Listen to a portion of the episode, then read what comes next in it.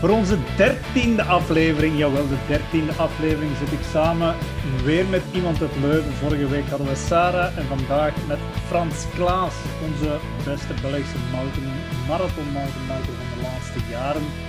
Uh, Frans zit op dit moment niet in Leuven, hij zit in Zwitserland. Wat hij daar zit te doen, uh, daar gaat hij zelf wel vertellen. Maar met Frans gaan we het hebben natuurlijk, zoals met al onze gasten doen.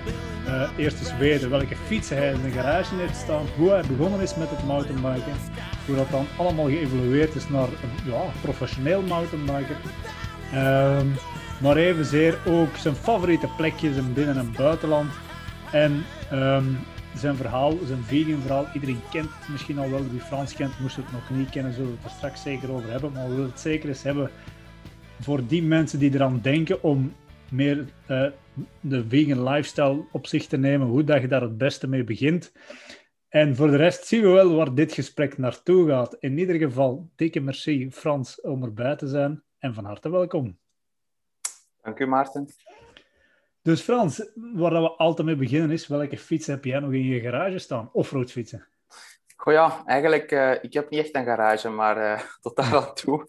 ik heb eigenlijk uh, momenteel vier Santa Cruz fietsen. Ja. Twee hardtails, de Highball en dan um, twee blurs. Dat zijn eigenlijk identiek dezelfde fietsen. Mm -hmm. daarnaast nog een Cervelo wegfiets, de R5. Ja. En um, dan nog een Bianchi, um, die ik nog in Leuven heb staan. Uh, ja, iedereen kent de fiets nog wel van Wout van Aert. Um, zoiets en, en ook nog in het Bianchi groen? Of? Ja, nog in het Bianchi uh, Celeste kleur. Hè. Oh, uh, wel, wel heel, heel speciaal. Je bent ervoor of je bent er tegen, tegen dat kleur. Ja. Maar um, ja, daarnaast ook nog um, een fiets, nog zelfs een Granville fiets. Oh, ja. ook een wegfiets. Die heeft, daar heb ik altijd mee op de rollen gereden, vroeger. Um, toen ik ja, in Heverlee, nabij Leuven, mm. s morgens vroeg voordat ik uh, mijn normale job um, mm. ging beoefenen, ging ik nog eerst wat op de rollen fietsen. En daar heeft die fiets wel uh, veel voor gediend. Ja, en dan nog uh, een stadsfiets, voor als ik graag eens een keer het, het stad wil gaan onveilig maken. Maar ik fiets daar zeer rustig mee en Goh, welk merk is dat weer? Ergens een Duits merk. Uh, zeer goed, een met vijf versnellingen. Maar uh, dat is eigenlijk ideaal om uh, een koffie mee te gaan drinken in het centrum van Leuven. Dus, eh, maar die Santa Cruz, hoe zijn er daarbij gekomen? Want dat is uiteindelijk dat is, een, dat is een bekend merk, maar dat is nu nog niet een evident merk richting marathon, of wel? Of ben ik daar mis in? Ja, die sponsoring met Bianchi die liep zo wat ten einde. Mm. dat was 2000, eind 2018. En dan uh, heb ik mijn oor te luisteren gelegd bij uh, Rob en Tim van Swoot, uh, de mountainbike winkel in Aarschot. Zij hebben dan in contact gebracht met de verkoper, die ver, ja, vertegenwoordiger was voor de mhm. Benelux. En zo verder dan naar ehm, het hoofdkwartier in Duitsland. Mm. Zij doen dan de, de, gehele Europese markt. En zo heb ik dan eigenlijk... ja, ik kon dan ook, ehm, ook van Tim en Rob vernemen dat die mhm. fietsen zeer van zeer hoge, hoge kwaliteit zijn. Want Santa Cruz dat is van, wel, uh, oorspronkelijk Amerikaans? Ja, Californië. Ja. van, en um, zij zijn natuurlijk eerder bekend van uh, downhill, enduro, dat soort zaken. Maar toen, in 2018 en richting 2019, gingen zij zeer veel inzetten op uh, cross-country. Ja. En dat heeft zich nu geuit in een echt factory team, mm. voor ook de wereldbekers mee aan te vallen.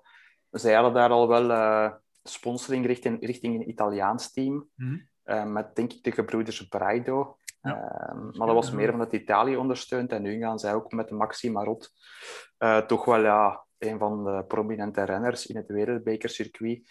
Gaan zij um, ja, nu proberen echt wel die markt te veroveren. Mm -hmm. En ehm, ja, de, de, als je nu die overstap toen hebt gemaakt, um, wat was bijvoorbeeld het verschil met de vorige fietsen? Of, of... Goh ja, Bianchi, um, het zijn zeer degelijke fietsen. Zeker op de weg hebben ze mhm. zeker al uh, ja, bewezen dat ze tot de top behoren. Mm. Um, en ook de hardtail was eigenlijk zeer, zeer goed. Uh, daar heb ik nooit over te klagen gehad. Uh, maar in de fully, in het fully segment, heb je eigenlijk zoveel ja, knowledge uh, nodig. Uh, ja, wetenschap, kennis, uh, zoveel onderzoek, testen. Ehm, en dat deden ze te weinig op die moment. Bianchi was wel vroeger een zeer goed merk. Hm. Um, want ze hebben dan nog Absalon gehad in hun rangen. Hm. Ja, Die is daarmee denk ik ook Olympisch kampioen geworden. En heel wat wereldbeker-overwinningen binnengehaald toen hij pas zijn carrière begon. Dan hebben ze nog Gerard Kersbaumer gehad. Uh, maar dan um, is dat een beetje uitgedoofd, zeg maar, mhm. dat verhaal. Ze hebben minder ingezet op de investering richting een fully. Mhm. En um, dat verschil heb ik wel zeker gevoeld uh, met de overstap naar de Santa Cruz. Ja. Die fully zit, zit, gewoon beter in elkaar. Dat was echt een, een serieuze stap voorwaarts, dat vlak. Right. En, en, en hoe lang gaat die samenwerking nog door? Ik hoop nog tot het einde van mijn carrière. Ik ben momenteel al uh, eh, 37. Ik ben weliswaar zeer laat begonnen met mijn mountainbike-loopbaan. Eh, mhm. Maar ja, de hoop is toch om uh, dat tot, tot mijn 40 te kunnen blijven doen. Ik vind dat zo ergens een, een, een mooi getal om af te sluiten. Dat is voorlopig mijn, mhm.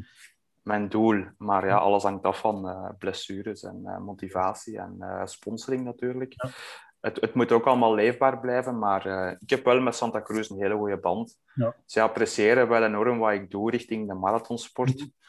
En um, ja, de, de investering die zij daar nu voor doen, ik denk dat dat in een mooie verhouding staat tot wat ik van hun uh, toebedeeld krijg. Ja. En geven ze zelf ook nog feedback over de fietsen aan hun? Of, of doen ze daar iets mee? Mm, goh, voor hun is het belangrijk dat ik die in de picture zet. Ja. De grote marathonwedstrijden. En het is natuurlijk interessant om te weten voor hun, um, ja, valt dat in de smaak bij marathonrijders en, en, en zijn die geschikt voor marathons te rijden? Mhm. Maar Santa Cruz heeft ook een, een, een enorm testteam mm. en een hele testvliet ter beschikking. Dus goh, mijn feedback, ik kan dat geven vanuit de lage landen een beetje, mhm. maar voor de rest hebben zij uh, zeer zeker genoeg uh, vakmensen daarvoor aan boord.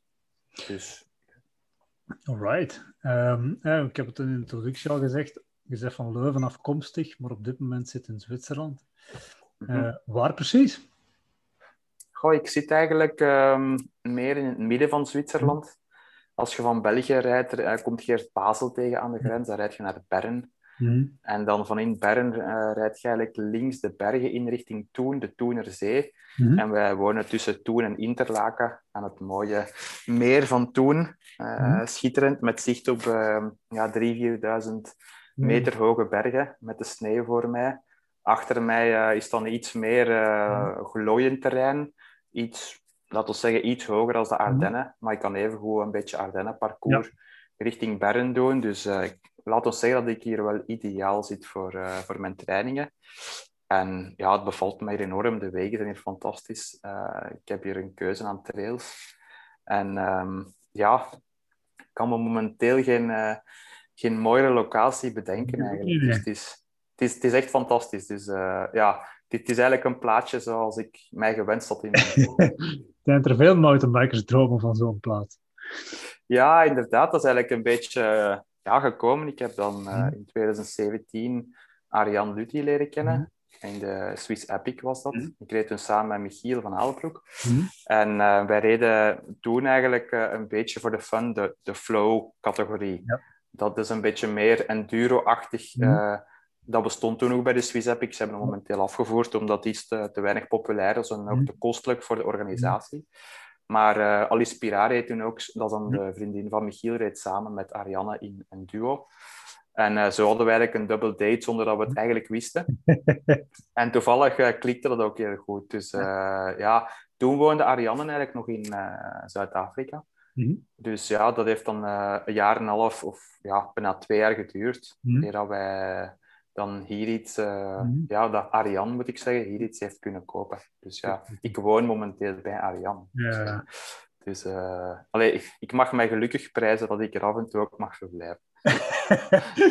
want want mijn, mijn officiële locatie, uh, allee, domicilie, staat nog altijd in Heverlee, nabij Leuven. En dus uh, ja, ik denk er wel aan om, om ook toch wel voor de volle 100% naar Zwitserland te verhuizen.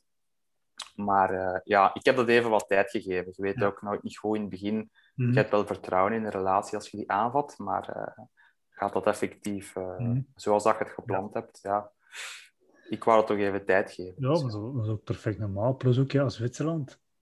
heel schoon land, maar ik denk geen simpel land. Allee, moet je dat zeggen? Die hebben Ja. Zwitserland is Zwitserland, hè? Die, die hebben al- Ja.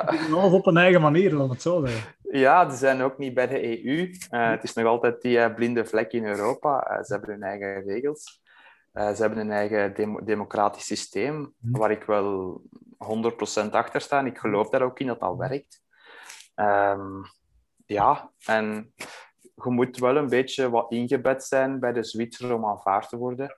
Nu dat ik eh, ja, Ariane ken, natuurlijk is dat wat makkelijker. Mocht je hier als buitenlanders komen wonen, dan Mhm. heb je heel wat meer tijd nodig, denk ik. Ja. Dus eh, ja, het is toch niet makkelijk om, om zomaar direct hier aanvaard te worden. Dus eh, ze zijn niet, niet, niet meteen racistisch, dat wil ik Ja. zeker niet zeggen. Eh, maar het duurt gewoon langer. Hè. Ja, het is en- ook meer... Mhm. Het is denk ik een beetje meer als Noorwegen, Zweden, Mhm. Finland, Denemarken zijn wat meer de Noordse volken. En Zwitserland hoort daar een beetje bij op dat vlak qua ehm, ja, aanvaarding van mensen. Maar ene keer als we aanvaard hebben, dan, eh, dan is dat ook eh, meteen, ja, dan, dan, dan kan er niks meer te stuk eigenlijk.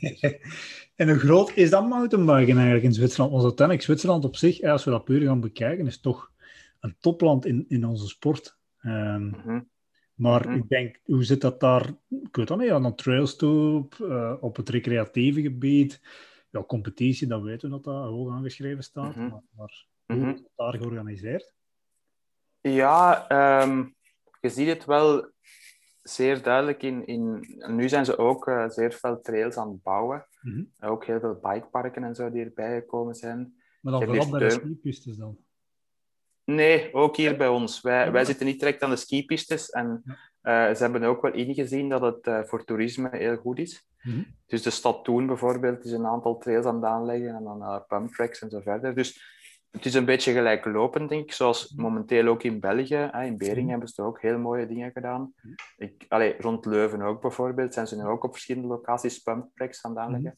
Maar ehm, ja, natuurlijk, hier zijn er veel meer mogelijkheden. Ehm, ja, en, en ja, dat leeft hier wel.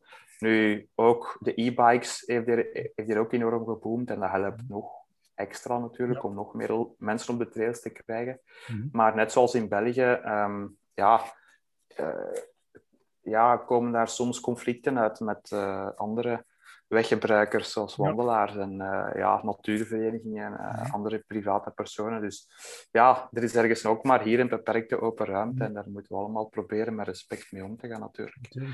Ehm, nu, ja, mountainbiken leeft hier enorm. En, en dat leidt natuurlijk tot ergens een succesrecept. Ehm, alleen een verhaal. Eh, dan natuurlijk, ja, het boegbeeld daarvan is Nino Schuster. Ja. Ehm, ja, en die heeft al zoveel kinderen op de fiets gekregen. Mhm. ehm, dat, dat daar in de volgende jaren nog veel, heel, heel veel talenten gaan ontbolsteren.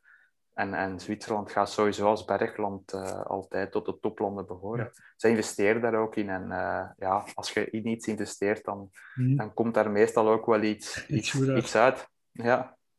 Nee, en, En het talent is er. Hè. Ja, talent is er ten eerste. Ten tweede, mountainbiken aan zich, als je puur naar de wielerdisciplines bekijkt, en zoals ik het al van op afstand zie, is... Daar gaan wat eigenlijk bij ons, een- zoals het veldrijden is, is daar dat mountainbiken. Hè? Eh, Mhm. de- Ja, dat is eigenlijk de nagel op de kop. Ja, eh, allee, kinderen kiezen hier voor, voor te mountainbiken en veldrijden komt daarbij in de winter. Ja. Ehm, in andere regio's in Zwitserland gaat dat niet met de sneeuw dat er dan is. Daar kiezen ze dan voor langlauf of biathlon Ja. of eerder iets in die richting. Dus ja, het is wat, als je dan meer richting het vlakkere land gaat, Bern, Basel, Zurich, is het wat meer veldrijden inderdaad. Maar dat is nooit bij de kinderen of bij de jeugd toch zeker niet, eh, nooit eh, waar ze van dromen. Mhm. Zij hebben die, die boegbeelden ook niet meer. Eh, dus ja, dan mountainbiken. En ook wel een beetje wegwielrennen. Dat is, Mhm. dat is toch niet zo klein hier. Ja. Nu ook met Mark Hirschi, vroeger Fabian Cancellara en zo verder. Alex Sullen hebben ze vroeger gehad. Eh, ze, ze, hebben toch wel altijd een paar echt steengoede renners. Dus, Ja, ja. Net zoals zoveel is er ooit begonnen met het mountainbiken, maar vrij laat. Hè? Vertel daar Mhm. eens wat meer over. Ja, goh, ik, ben, ik ben laat begonnen met echt competitie te doen. Mhm. Maar ik ben wel altijd... eh, ik ben een fervente fietser geweest. Mhm. Dus ehm, ik heb ooit mijn eindwerk gemaakt in de middelbare school over de Ronde van Vlaanderen.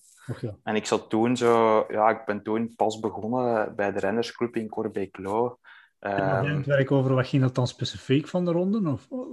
Ja, ik deed daar eigenlijk eh, drie delen over. Ik maakte daar een, een, een, een, eh, een verhandeling over, Mhm. hoe dat de geschiedenis verlopen is en eh, ja, hoe dat, dat tot de cultuur der Vlamingen behoort. Mhm. Ehm, daarnaast heb ik daar twee schilderijen over eh, van gemaakt. Och ja. Ik, ik, ja, ik heb dus in de Steinerschool gezeten. En in de Steinerschool eh proberen ze alle mogelijke talenten dat, dat, Mhm. dat je hebt als kind, eh, proberen ze toch ergens te stimuleren. Ehm wij hebben daar nog heel veel interessante zaken gedaan, maar dus ook schilderen onder andere. Mhm. Eh, en daarnaast was er nog een ander praktisch gedeelte en ik heb dan zelf getraind voor de Ronde van Vlaanderen, voor amateurs. Ja. Dat was toen nog 273 kilometer.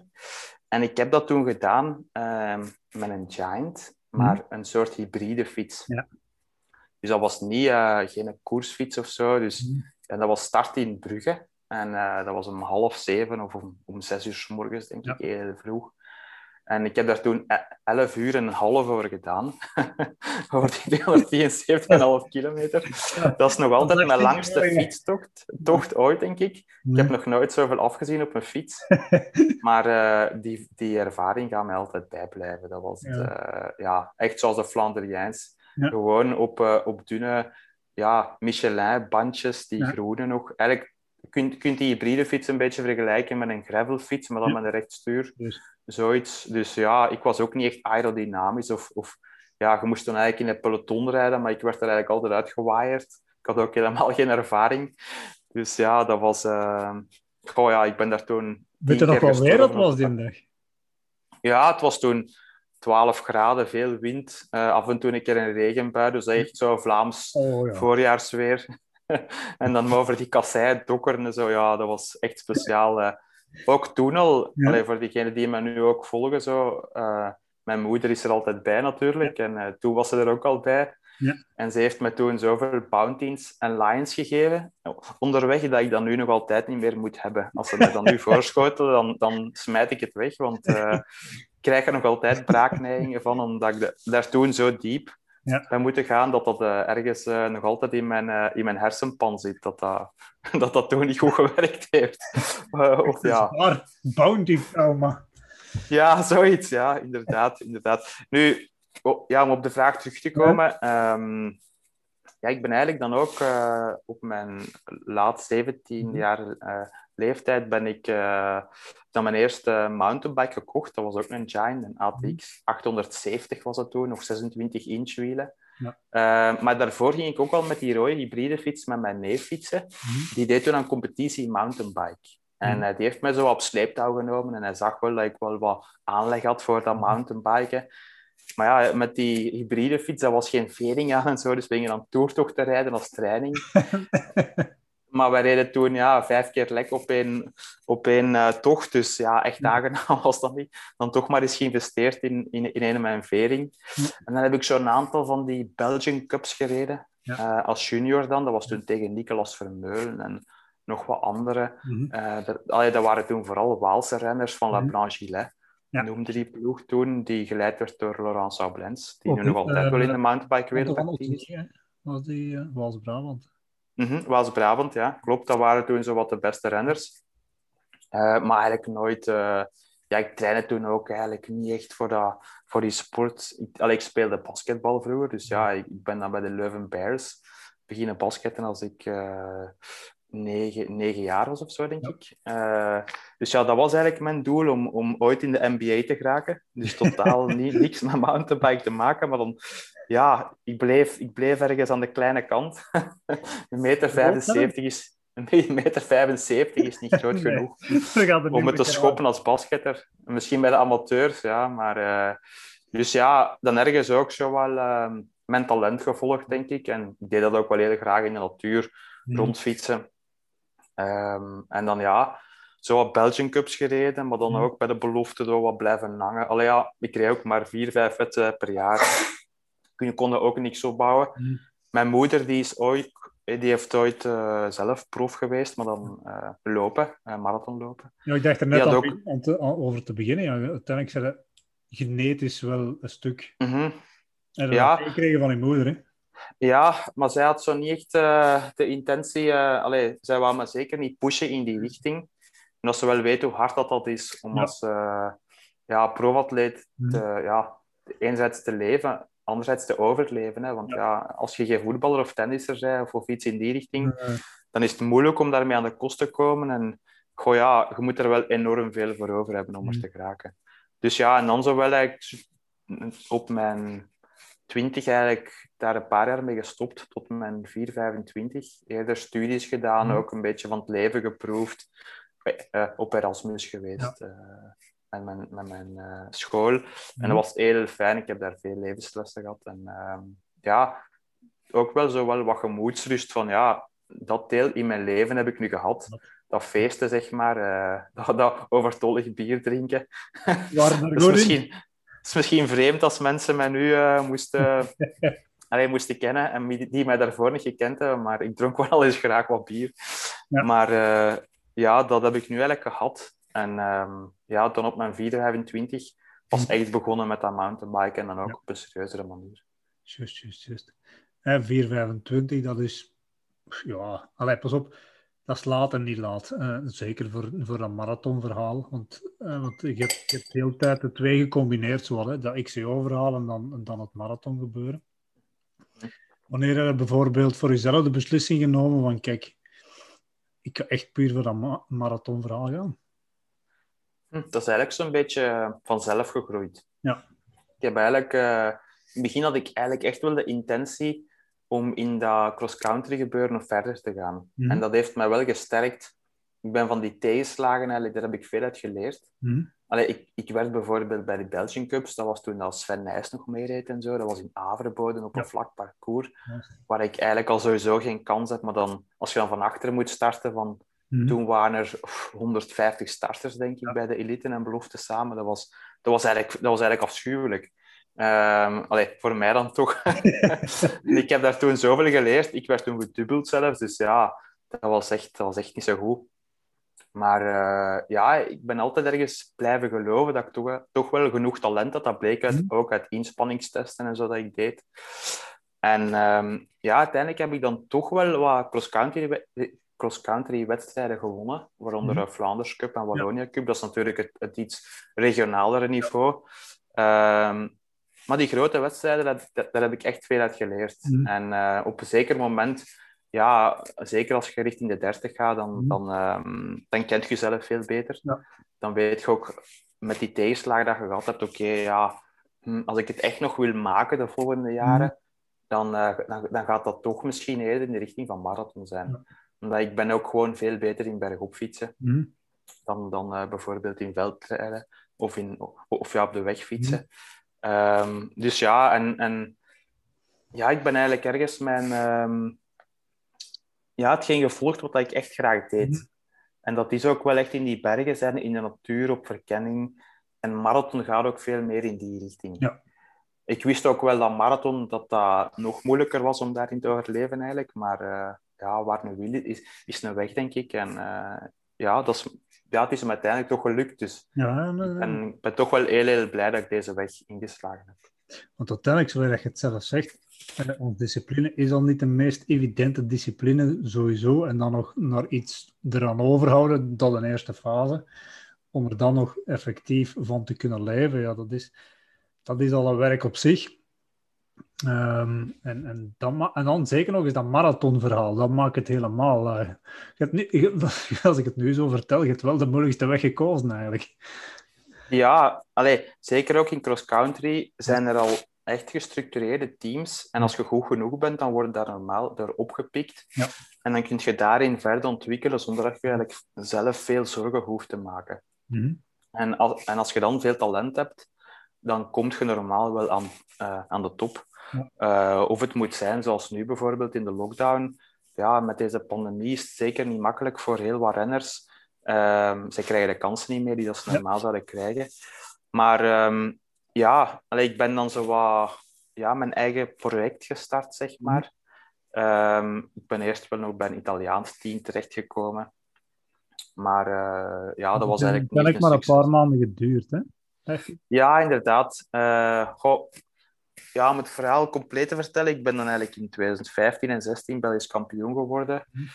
Uh, dat was toen eigenlijk ook al met mijn eigen project. Mm. Uh, maar dat was toen nog altijd in combinatie met het, met het werk dat ik deed voor, ja. de, voor de Boerenbond. Mm. Um, dus ik had eigenlijk een nevenactiviteit met een mountainbike opgestart. En dat was wel een, een, een, een groeiend verhaal. Ik had daar wel sponsors in gevonden die betaalden wat kosten en zo verder. Zoals de meeste beginnen die een passie ergens hebben en die ergens goed in zijn. En dan ja, is het ergens aanvoelen van, kan ik hier ergens toch geld vinden om, om, mhm. om, om door te kunnen groeien in die sport? Want er zijn wel heel veel investeringen voor nodig. Hè. Het is zeker marathon. Um, in België zijn er al, al geen al te grote wedstrijden die op mhm. tv komen. Laten we zeggen, geen. Dus ja, het is allemaal in het buitenland te doen. Zelfs ook cross-country. Als je het wilt maken, moet je het ergens toch in het buitenland gaan halen, mhm. denk ik. Uh, goed, ja. En dan in 2013 um, toch opgepikt door een wegploeg mm. als uh, stagiair dan bij Crelan Euphony. Ja. Een aantal maanden mogen proeven van, uh, van, van, de weg. Dat ging eigenlijk heel goed, maar dan verdween die ploeg ook weer. Dus ja, dan was er ook geen kans meer om als prof dan daarin verder te gaan. En dan ja, die Italiaanse ploeg die mij oppikte op basis van mijn wereldkampioenschap uitslag in Kirchberg, waar ik dan twintigste werd in 2013. Um, ik was daar eigenlijk op weg naar een achtste plaats, maar dan uh, in de, de laatste lange afdaling, de Lizzie Ussel Trail, um, ben ik toen lek gereden. en die Stroe Paulussen me nog voorbij gegaan. Hij had toen zoveel medelijden met mij dat hij nog, uh, ja, hij vond dat zo spijtig toen voor mij, omdat ja, hij was toen een beetje aan het uitboelen in zijn hm. carrière. En um, goh, ja, dan heeft hij nog geprobeerd uh, voor mij te solliciteren bij Boels onder andere waar ik hem ook altijd dankbaar voor zal zijn. Ja. Maar dan, dan toch nog opgepikt door, door een Italiaanse ploeg. Uh, maar uh, ja, dat Italiaans verhaal, dat was, uh, dat was niet echt een voltreffer voor mij. Dat, dat lukte niet om daar in Italië te, te aarden, zeg maar. Ja. Ik moest dan verhuizen naar Italië. Ik heb toen wel een aantal maanden samengewoond met Le Leonardo Paes, ja. die nu tweevoudig wereldkampioen marathon is. Colombiaan. Mm -hmm. Hele sympathieke man. Um, maar ja, dat, dat, dat, ging voor mij niet, die combinatie. Uh, ook te veel druk vanuit die ploeg. En toen heb ik voor mezelf gemerkt, oké, ik ga toch proberen mijn eigen ploeg, uh, ik, ga, ik, ga, daar een doorstart van maken. Mm -hmm. Ik ga proberen om daar, uh, om daar toch ergens iets, meer, iets meer uit te krijgen. En mm -hmm. ja, ik ben beginnen nadenken. En ja, ergens is het mij dan gelukt om daar elk jaar wat meer sponsoringen voor te mhm. vinden. En zelf ook elk jaar te groeien, nog, nog als atleet. Ja. En ja, door te groeien wat, wat betere resultaten te behalen. Eh, want na dat Italiaans verhaal, was dat to is er toen met Connections begonnen of was het ervoor nog? Um, Connections is eigenlijk al helemaal van in het begin. Ja. Uh, van, van als ik 25 was. Mm -hmm. um, de huidige toenmalige voorzitter van de club die, uh, die had connecties bij Connections. en uh, ja, hij heeft, toen, um, hij heeft daar toen sponsoring van gekregen. Ja. En uh, ja, dat verhaal is dan met mij later verder gegaan. Dus ja, dat was... Dus na, dus na dat Italiaans verhaal zijn er eigenlijk echt een volledig nieuw project slash team begonnen. Maar dan mm -hmm. Mm -hmm. ja. ja, ik had, ja, ik had toen eigenlijk uh, ook echt het idee gekregen in, na dat, na dat verhaal in, um, in 2014, uh, oké, okay, um, ik ben het ergens wel waard mm. om als professioneel mountainbiker verder te gaan. Mm. Maar ja, niet iedereen die het waard is, uh, lukt dat ook. Ja, oh, ja, of tenzij je moet Olympisch kampioen zijn of wereldkampioen, dan staat de deur veel meer open. Maar uh, het is ook vaak ja, hoeveel connecties heb je en, en ja, hoe hard wil je het zelf? Hè? Ja, nee, dat is waar. En, en dan ook nog, één, hard wil je het zelf, maar ook zo, uiteindelijk, dat is ondernemen, hè? Ja, het is, het is zeer zeker dat. Um, en, en het is iets dat je, ja, dat je wat moet aanvoelen. Mm. Um, ja, het team, het team opstarten is, allee, het is eigenlijk alleen maar voor mezelf. Dus mm. ik doe dat nog niet voor andere renners. Um, maar het, het, is toch wel... Uh, is, het is zeker niet gemakkelijk. En ik heb, ik heb ook heel veel respect voor iedereen dat dat wil doen. Mhm. Want uh, zeker in een mountainbike, je moet het al zeker niet doen voor het geld. Want uh, er zijn veel andere uh, betere betaalde jobs in deze wereld, waar iemand die een mountainbike ploeg leidt, die kan even iets anders doen waar hij veel meer geld mee verdient. Nee, maar dat is ook een, een, sowieso te koer in de, in, in de sport en dan zeker aan de ene kant een individuele discipline als, mountainbike, maar ook andere individuele disciplines. Het is, ja, het is, durven, de, één, wat dat je zelf ook aangeeft, hè, erin geloven van oké, ik voel dat ik dat waard ben en dan effectief die stappen gaan ondernemen en, en, en connecties gaan leggen. Hè. Hoe, hoe dat toen concreet aangepakt? Zijn er naar, ik weet dat niet, naar bedrijven gestapt? Zijn er, zijn, mensen die je kent, die aangesproken? Of hoe werden dat aangepakt? Ja, ik ben eerst uh, begonnen binnen mijn eigen kring. Familie, vrienden, uh, collega mountainbikers die ergens wel met een bedrijf bezig waren, zijn, zoiets. Uh, en zo heb je dat zo wat kunnen testen van ja, wat werkt er, wat werkt er niet, waar zijn die mensen ook naar op zoek? Want het is ook niet wat familie is, dat ze mhm. sponsoren. Ja. Um, dus ja, die waren dan ook altijd redelijk rechtuit en, en, en eerlijk tegen mhm. mij. Van als ik afkwam met een, met een voorstel. Um, en daaruit geleerd en, en uit dat leerproces weer naar ja, weer mensen leren kennen en ja, dat is iets wat, dat, wat dat eigenlijk nooit stopt. Hoor. Dat, ja. dat is eigenlijk dan netwerken. En, en met dat netwerken kun je eigenlijk... Uh... Wekelijks bezoekje van de dochter. Oké. Okay. Mensen Hallo. de podcast kennen ondertussen. Slaap wel, schat. Tot morgen. Tot morgen. Ga je maar slapen. Hè. Um, clowntje. Wat moet hebben? De clown die ga ik zelfs terug ophangen. Dan ga ik zo papieren clown aan de venster. Ah, ja.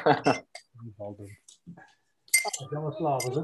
En ik laat dat er ook altijd op staan, want dat is altijd kei grappig. En als eigenlijk mm. opnieuw komt hij binnen.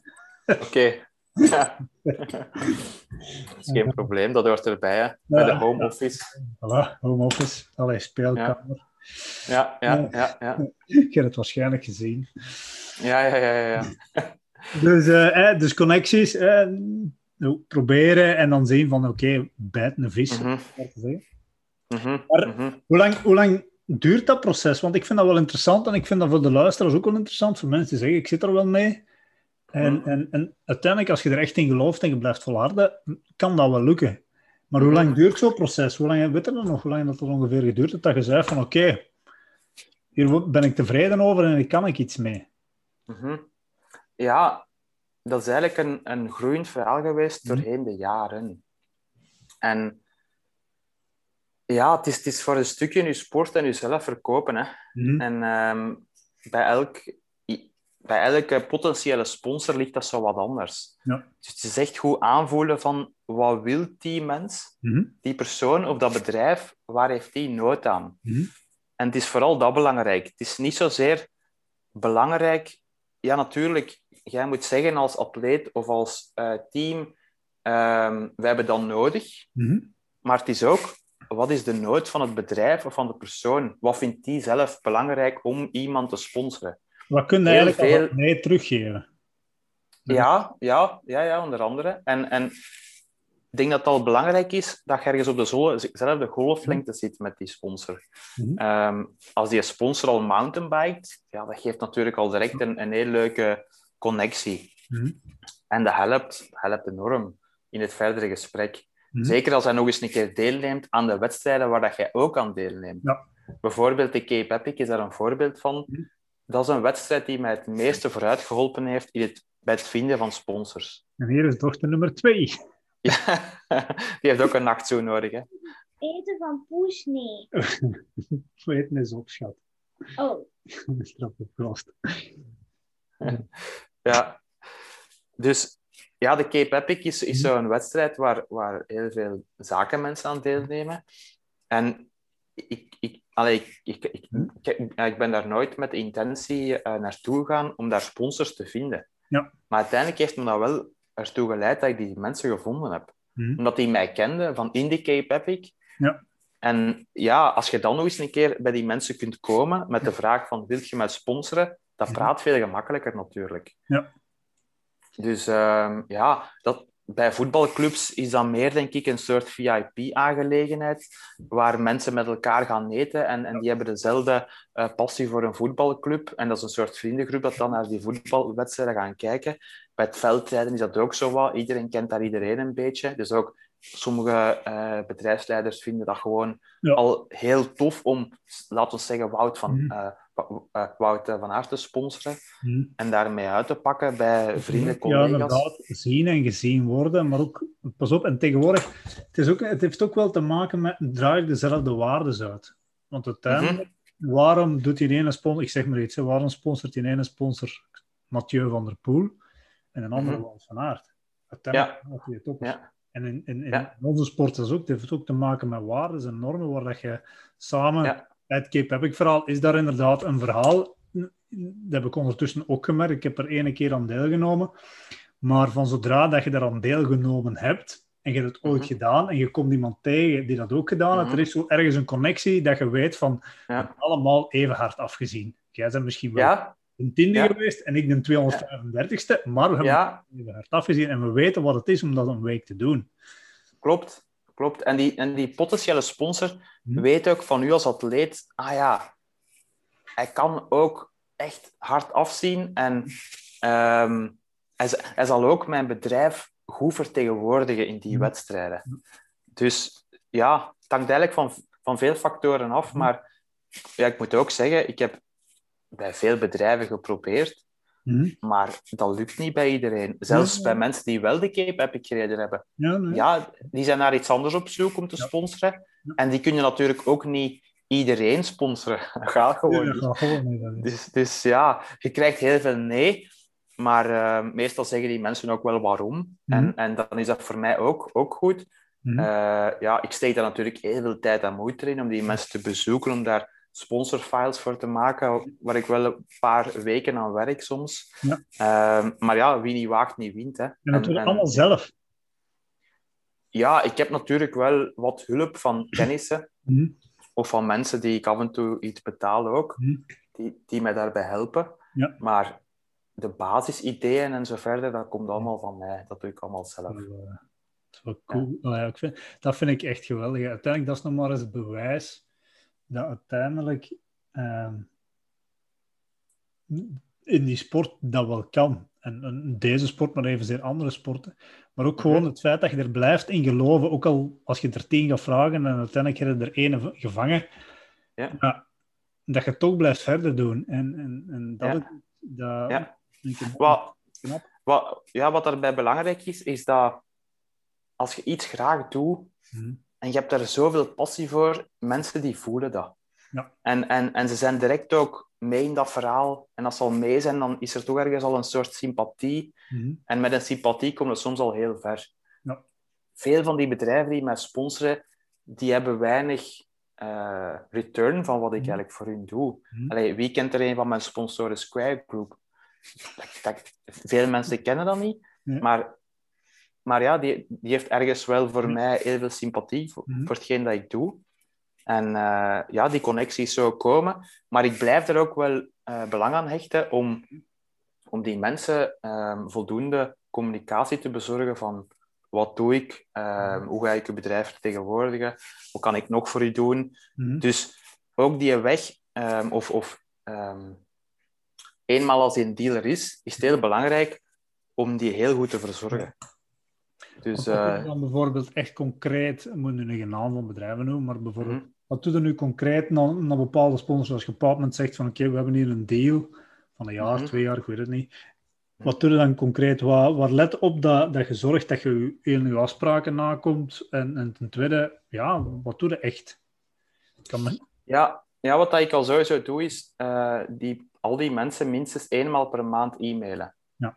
En dat kan zijn met een programma uh, wat ik al gedaan heb. Um, die mensen foto's bezorgen van, van professionele fotoshoots. Uh, ik, ik, stuur die ook altijd een bedankkaart op het einde van het jaar voor de steun die dat ze geleverd hebben. Ik, ik, ik, geef die mensen vaak ook een, een shirt van de Cape Epic, gehandtekend. Dat zijn al kleine dingen die dat je al sowieso kunt doen. Ja. En uiteraard, ja, logo's uh, op de auto-website, uh, shirt en zo verder, dat doe je ook daarvoor. Ehm, ja, en daarnaast ook regelmatig contact nemen. Ja. Eh, en ook altijd nog eens sommige mensen of eh, bedrijven die, die, die vragen, ja, kom eens met mijn eh, personeelsleden fietsen, Ja. bijvoorbeeld. En dan doe ik dat graag. Eh, Mhm. Zoiets bijvoorbeeld. Mhm. Of anderen zeggen, ja, we gaan met u een film maken. Mhm. Heb je daar tijd voor over? En dan, dat is altijd zo'n beetje ehm, ja, de communicatie ja, dat je hebt met je, met je sponsoren. Hè. Mhm. Ze regelmatig een keer opbellen of een keer iets laten weten en, en, en zo een relatie opbouwen. Ja. Dat is heel belangrijk daarin. Ja, want zijn uiteindelijk die klein... Allee, klein, dat is pas op, dat heel veel tijd in, hè. Mhm. Eh, maar, maar als je, zoals dat je het nu vertelt, is gewoon letterlijk de menselijke connectie behouden. Dit is het eigenlijk niet. Het is zoals een kameraad die je Mhm. regelmatig eens ziet en, en daarmee contact hebt. En, en, Ja. en ja. aan de andere kant, wat je nu vertelt, zijn ook geen grandioze dingen. Hè. Het is niet... Mhm. Het Mhm. is gewoon, ja, slecht dat je een kameraad is, regelmatig belt. Ja. Van is het? En, Ja, allee, bijvoorbeeld wat ook nog eh, punten zijn, ehm, bijvoorbeeld, ja, die, die sponsoren vinden het ook belangrijk eh, dat ik ergens de jeugd ondersteun, Eh, dat er ergens een maatschappelijk draagvlak is, Eh, dat, dat, er ook, dat ik ook ergens een voorbeeld ben voor, eh, voor mensen om te beginnen met sport. Ja. Ehm, dus ja, op dat vlak, of ergens iets doen voor een goed doel. Mhm. Bijvoorbeeld in Zuid-Afrika ehm, hebben we daar in 2000 18 richting 2019 Cape Epic eh, met Quebeca eh, heel veel geld ingezameld. Mhm. Dat dan mee ondersteunen. Ja, het zijn allemaal van die kleine zaken die, die het helpen. Ehm, waar dat die sponsor blij van wordt. Ja. Ehm, en wat uiteindelijk ook, ook wel wat goed is voor het imago van zijn bedrijf. ja, nee, nee. Eh, zeer zeker. Dus het hoeft allemaal niet groot te zijn. Niet iedereen kan, kan wereldkampioen zijn natuurlijk. Hè. Eh, want dat is, dat is heel makkelijk om daar reclame mee te maken Mhm. of om daar ergens een return van te krijgen. Maar eh, in onze sport gaat het vaak over andere dingen. ja, En ehm, allee, allee, zeker dan, dan praat ik over financiële ondersteuning. Hè. ja, natuurlijk. Ehm, productsponsoring en, en fietsen en zo verder. Eenmaal als je een bepaald niveau bereikt hebt, eh, laat ons zeggen top 10 in de wereld, dan is het vinden van, van, van een fietsenconstructeur niet meer zo moeilijk. Nee, want op zich, eh, met, ons eigen team ook, ehm, maar even, het klinkt nu een beetje raar, maar materiaal ondersteuning krijgen, al is het met kortingen of zelfs volledig, een volledige fiets waar je geen kosten aan hebt, is niet zo moeilijk. Mhm, allee, je moet nog altijd wel zorgen dat het in orde is en noem maar op. mhm, Maar mm, als bedrijven met centen, letterlijk met euro's over de brug komen, of met dollars of wat het ook mag zijn, met geld over de brug komt, dat is een heel ander verhaal. mhm, Ehm, en dan moeten we echt wel zorgen dat het, dat het echt in orde is, ook gewoon weg. mhm. Eh, en maar langs de andere kant, dat is mijn overtuiging wel, er zijn meer en meer bedrijven, en bedrijven toekoor, die noemen het dan maar het, ja, langs de ene kant het maatschappelijk verantwoord ondernemen, maar tegelijkertijd willen bedrijven ook een, een, een imago opbouwen rond, al is het duurzaamheid, al is het rond inderdaad talentontwikkeling, ondersteuning van de jeugd. En eh, dat maakt bedrijven ook ja, sympathiek. En, en ook weer daar waarden en normen. Hè. Mhm. Ja, en allee, langs de andere kant is het ook wel echt zo dat die bedrijfsleiders echt wel iets willen betekenen voor de maatschappij. Ja. Er zijn heel veel bedrijfsleiders die wel veel geld verdienen, Mhm. maar er zijn er ook heel veel die dat aan goede doelen spenderen. Ehm, heel veel van hun ehm, ja, toch wel hard verdiend werk, want ja, zij, zij werken daar ook heel hard voor. Mhm. Ehm, en, en ja, sommigen hebben een hart voor de mountainbike. En Ja. het is denk ik zaak om die te vinden als, als atleet. En, en dan te hopen als zij je willen ondersteunen. En dan hangt er ook wat af van, ja, welke doelen heb jij eh, in een mountainbike? Heb je daar echt de passie voor? Wilt je ook alles riskeren? Want ja, het is ook wel zo, ik heb daar alles op ingezet op een gegeven moment. Je kunt als, als, als zelfstandige of als ondernemer is er geen weg naast. Het is alles of niks op een gegeven moment. En, en ja, soms is het ook niks. Hè. dat, maar- dat is een beetje de, eh, bloeds met een buil nemen. En, Eigenlijk in, in je- allee, binnen de discipline, wat dat je doet, op wereldniveau, wereldtop, je kunt er niet anders dan alles doen. Het is, dat, dat gaat, je kunt daar niet meer op dat niveau kun je niet zeggen van oké, weet je, ik, eh, ik doe die sport nog bij. Of ik, ik kan dan nog... Mhm. Dat gaat niet meer. Dat, dat, Ja. Wil dat echt goed doen, hè. Mhm. Ja, allee, bij ons is dat tot, tot, tot eh, ja, wil je tot de top 50 of zelfs top 30 behoren, dan kun je dat nog doen als je ook nog werkt. Dat, Ja. dat, dat is mogelijk met talent.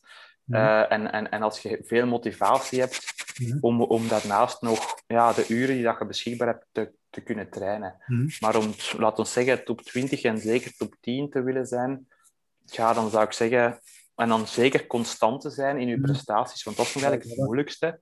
Zo'n eenmalige prestatie, dat, dat zou nog gaan, omdat je met je vakantie en zo verder dat zo zou kunnen regelen, dat je in topvorm aan de start komt. Mhm. Maar wilt je dan een hele jaar altijd eh, top 5 of top 3 rijden, dan, dan is er geen weg naast, dan eh, alles of niks.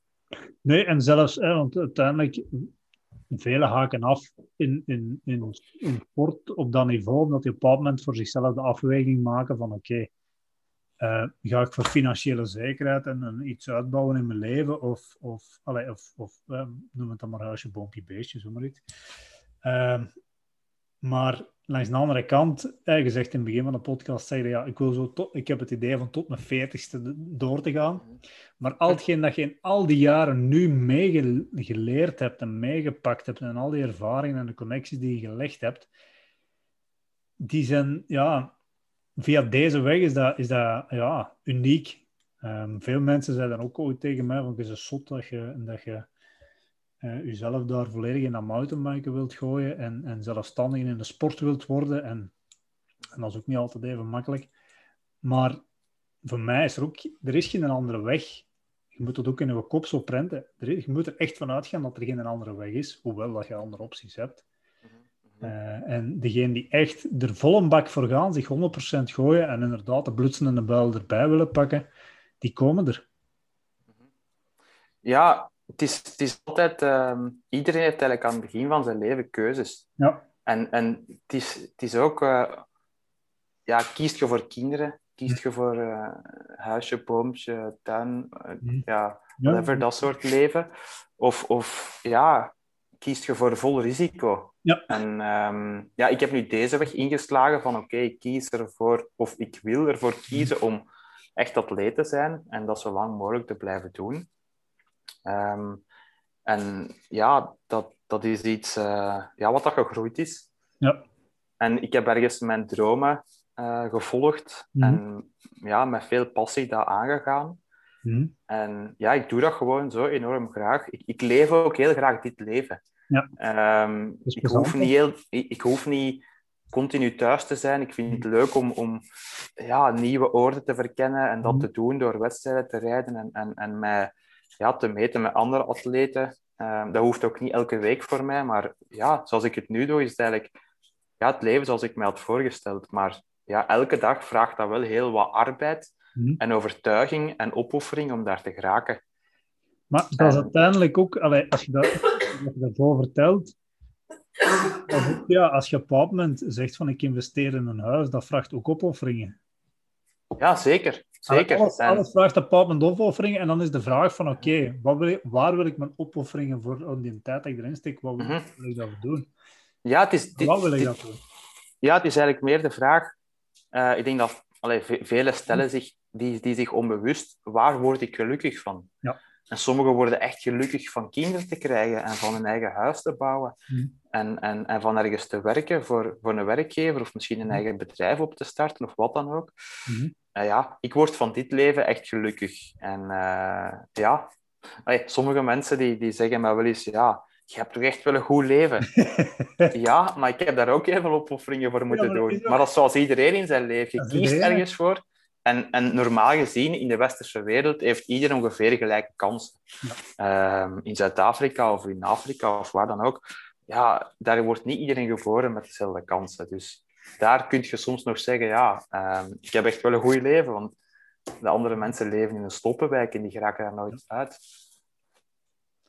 Ja, dus het leven is keuzes maken. En, en... Maar inderdaad, hè, alles, is- alles is ook een risico. Hè. Ik bedoel, als je echt iets doet tegen een goesting, dat is ook een risico. Hè. Maar je verdient veel geld, ja, je hebt een schoon huis, maar je, je zit er niet gelukkig van. Ja, het belangrijkste is, eh, ja, gelukkig zijn en, en altijd opnieuw terug ook u durven die vraag stellen van, Mhm. is dit nog het leven dat ik wil? Ja. ja. Allee, uiteindelijk, als je gekozen hebt voor kinderen, die kinderen zijn er altijd. Maar ik Ja. hoop dat mensen toch voldoende hebben nagedacht over die keuze voor kinderen. Mhm. Ehm, ja, een relatie, ja, die kun je stopzetten natuurlijk. Maar, eh, ja. ja. En van werk kun je ook veranderen. Ja, Maar, eh, Dus keuzes Ja. zijn er altijd, dus dat, dat is een feit. ja, ja. Dat is zo. Zeg, maar we hebben het eigenlijk totaal nog niet gehad over je persoonlijke sportieve prestaties. Hè? Ja, ik Hm. heb al gezegd dat je de laatste jaren de beste marathon-mountainbiker van België bent geweest. Of nog altijd, sorry. Eh, maar eh, wat zijn voor u, als we het dan toch even puur over de sportieve prestaties zijn, ehm, noem het een soort top drie van ehm, persoonlijke prestaties. Wat zou er op nummer drie staan? Ik overval er u mee, maar denk er maar eens over na. Nummer drie. Ja, ik denk, ik denk de top 10 op het WK in oktober eh, vorig jaar. Vorig jaar. Dat waren inderdaad... Ja, ik heb al zo lang... Ja. Dat, is, dat was mijn tiende WK. Ja. En ik heb al zoveel keren het gevoel gehad van oké, ik ben het eigenlijk waard om vandaag top 10 te rijden. Ja. Op die, al die wereldkampioenschappen. En door omstandigheden is dat er nooit uitgekomen. Mhm. En, en dat was zoiets wat aan mij wat achtervolgde op den duur. Dat was van, ja... Op, ik begon ook eigenlijk bijna te geloven van... hmm, misschien ben ik het gewoon niet waard. Misschien is dat ongeluk Ja. van, laten we zeggen, die platte banden en al die andere zaken dat toen niet goed gelopen zijn. eh, gemiste bevoorrading en Ja. wat dan ook. Eh, misschien heeft het er allemaal niks mee te maken. Misschien be- ben ik echt wel maar... Ja, is mijn plaats buiten de top 10. Dus eh, plus het feit ehm, dat we toen eigenlijk vorig jaar toch wel een geweldig moeilijk jaar beleefden voor de sport. Zoals zoveel andere, ah, andere mensen in, in, in andere beroepen natuurlijk. Hè. Maar eh, dat was dan de laatste wedstrijd van dat jaar. Ja. En ja, de voorbereiding was wel goed geweest, maar dan ook de wedstrijd ervoor, dat was ook in Turkije, dat was op hetzelfde parcours, was compleet in het 100 gelopen. Was Wij dat daar toen-? Goh, ja, een slagveld. Ik heb dat nooit meegemaakt, zoiets. Eh, ja, wij stonden gewoon te voet en, en er waren tuinslagen, maar ik kreeg het er niet af. Dat wa- Allee, het, het, het, was gewoon nooit gezien. Ja. Nooit gezien. Dus de enige optie was opgeven. dus ja, dat was niet echt zo goed, voor het vertrouwen. Ja. Dus ja, eigenlijk was de ontlading toch groot achteraf. En, en dat moment werd, werd, kreeg nog meer kleur, omdat eh, ja, mijn vriendin Ariane dan ook brons pakte op datzelfde WK. En zij ook, ook eigenlijk heel lang dat doel heeft nagejaagd. Ja. En uiteindelijk eh, heeft zij ook die bevestiging gekregen van ja, ik ben het toch wel waard Ja. om ook op dat podium te staan van dat wereldkampioenschap. Dus ja, dat, dat waren hele, hele mooie momenten. Dat gaat ook een hele schone foto rond. Hè. Ik denk op jullie social staat, maar ik denk op heel veel dat je met twee in mekaars armen vliegt. Of, ja. Ja, dat was, dat was eh, lachen en wenen tegelijk. Dus, ja. eh, ja, en, en dat is iets, dat is een spanning die is opgebouwd doorheen de jaren en, en je droomt daarvan, je werkt daar hard voor. En zeker als je dat gevoel hebt, zo van ja, ik ben dat wel waard, maar het komt er precies niet uit. En wat ligt dan nu? Hm. Ja, je begint je duizend vragen te stellen op een Ja. duur. Dus, eh, dus dat is nu afgevinkt en daar ben ik heel blij voor. En nummer twee. Ja, nummer twee is, ehm, ik denk, goh, mijn overwinning in, in de Ironbike in Ischgl. Ik heb daar toen de etappenwedstrijd gewonnen in 2018. Mhm. En ja, dat was een, dat was een heel mooie overwinning voor mij. Ik ben, ja, ik, ik rij gewoon zeer graag in de bergen. Mhm. En ik heb daar toen eh, gewonnen van Oers Huber. En dat is zo wat mijn, mijn zwart beest hier in de bergen. Allee, dat is, voor, voor wie Oers niet kent, dat is, dat is een oermens. Een traint, ook, traint ook enorm veel. En eh, ja, heeft er ook alle grote wedstrijden meermaals gewonnen. Wel nog nooit wereldkampioen geweest, moet ik erbij Ja. vertellen. Maar eh, voor de rest heeft hij al alles gewonnen in zijn carrière. Dus ja, dat is wel mijn, mijn opponent hier. En eh, hem toen daar verslagen, dat was wel een heel mooi moment. Ja. Ja. En de, Ja, nummer één. ja dat was mijn eerste Belgische titel. En dat Dat was, een, dat was ook zo een beetje een WK-gevoel, een ontlading. Ja. En nog een grotere ontlading, omdat dat een beetje ja, de nieuwe start van mijn tweede carrière was, Ja. zeg maar, na mijn Italiaans avontuur. Mhm. En ik kreeg toen de ondersteuning van eh Lovinghut, van, van het, eh, ja, uh, veganistisch restaurant. Mm Wat dat ook wereldwijd is. Mhm. En ehm, ja, om dan te winnen, niet ver van huis trouwens, in Bois d'Arrive, in Montigny. Juist. En ook met heel veel fans die, die, die toen zijn gekomen. Dat was zo echt de perfecte dag. Ja. Zonder dat ik het zelf eigenlijk besefte. En ehm, ja, dat was, eh, dat was echt een geweldig moment. Ik heb daar toen uh, ja, geschreven van vreugde. ik doe dat eigenlijk niet, want ik ben redelijk stil normaal gezien. Maar de adrenaline en, en het vuur dat er toen door mij ging, dat was, uh, dat was niet te beschrijven. Ja, dat, was, dat was echt prachtig. Dat was ja, Bois d'Arrive 2014? 15. 15. Ja, dat was het, e het eerste Belgisch kampioenschap dat ze het daar toen gedaan hebben. En dan in 2016 ben ik daar opnieuw Belgisch kampioen geworden. Juist. Dus dat is zo een beetje een magische plaats voor mij nu. Ja, En dat is ook niet ver van Leuven, dat is eigenlijk maar wel eh, echt- 30 kilometer fietsen, dus ik kom daar af en toe nog wel eens. Mhm. En ja, dat, dat blijven toch eh, dat blijven mooie momenten. Ja. Eigenlijk op een parcours dat mij totaal niet lag. Mhm. Want ja, Bois d'Arrive is nu niet echt eh, de Ardennen en al zeker niet de Alpen die mij het beste liggen. Dus ja, zo'n beetje ook misschien als, als underdog zonder stress kunnen starten van ja, we zien wel wat er komt. Mhm. En, en ja, iedereen had, ik denk dat de meesten toen toch ook wel Joris Massaar verwacht hadden. Zeker dat in 2015. In 16 vooral Carabin en Van Ovels, denk ik. Ja, en, en dat is dan des te mooier als je dan, dat toch kunt winnen. Want dat begon toen in, dat, in het technisch bosje en dan vertrokken die echt richt, richting de Waals- Waals-Brabant in. Hè? En dan terug. Hm? terug Ja, dat was, zo een, heel, dat was een lange tour dan. Eh, in 2015 was dat één tour en dan terug dat cross-country bosje en dan nog een extra lus eh, in Bois. Ook, ook redelijk technisch allemaal. Eh, maar ik kende dat bos gelukkig redelijk goed en dat was toen een beetje nat en zo. Dus ja, ik heb daar toen eigenlijk het, het eh, perfecte parcours gereden. Ja. Ook technisch. En ehm, ik moet wel zeggen, en, en dat is dan eigenlijk hetgeen dat ik dan geleerd heb van cross-country. Ehm, ja, dat technische gedeelte. En ook het, het juiste ritme vinden in die wedstrijd. Ja. Dus dat heeft me toch op dat vlak dan sterk gemaakt. Zalig. Ja, want toen, toen waren we gesponsord door Loving Hut. Eh, Mhm. Dat is nog altijd een vegan restaurant. Eh, Ja. We het aan het begin al over gehad. gezegd, eh, ik denk toen, nu is dat natuurlijk meer ingebed, maar toen dat je begon en, eh, met dat vegan verhaal. Ehm, ja, toen was dat speciaal, tussen aanhalingstekens, nu niet meer. Maar ik wil dat wel eens weten als je... Hè, want uiteindelijk er zijn heel veel mensen die eraan denken om het te doen, of er misschien willen mee beginnen. Wat advies kunnen geven als je er echt mee begint? Hè? Je komt bij wijze van spreken van een normaal eetpatroon en je wilt echt dat vegan verhaal gaan doen. Waar moet je gaan op letten? Mhm. Ja, het is eigenlijk zo'n beetje als dat je eh, verandert. Je bent altijd gewoon geweest om veel te fietsen en dan ga je beginnen lopen. Ja. Dan moeten we ook een beetje informeren. Dus begint daar niet zomaar mee. Ja. Eh, leest eerst heel veel, ziet dat je voldoende recepten hebt, koop, koopt wat kookboeken, bevraag u bij mensen die al vegan zijn. Ja. ja, wint gewoon veel informatie in. Mhm. Dat zou ik zeker aanraden. Mhm. Toen dat wij daarmee begonnen in pff, 2007, dat is nu al heel lang geleden, bijna, bijna 14 jaar, denk ik. Ja, toen, toen bestond er allemaal nog zoveel informatie. Dat kwam meer zo, ik denk vanuit de States was dat wel wat bekender.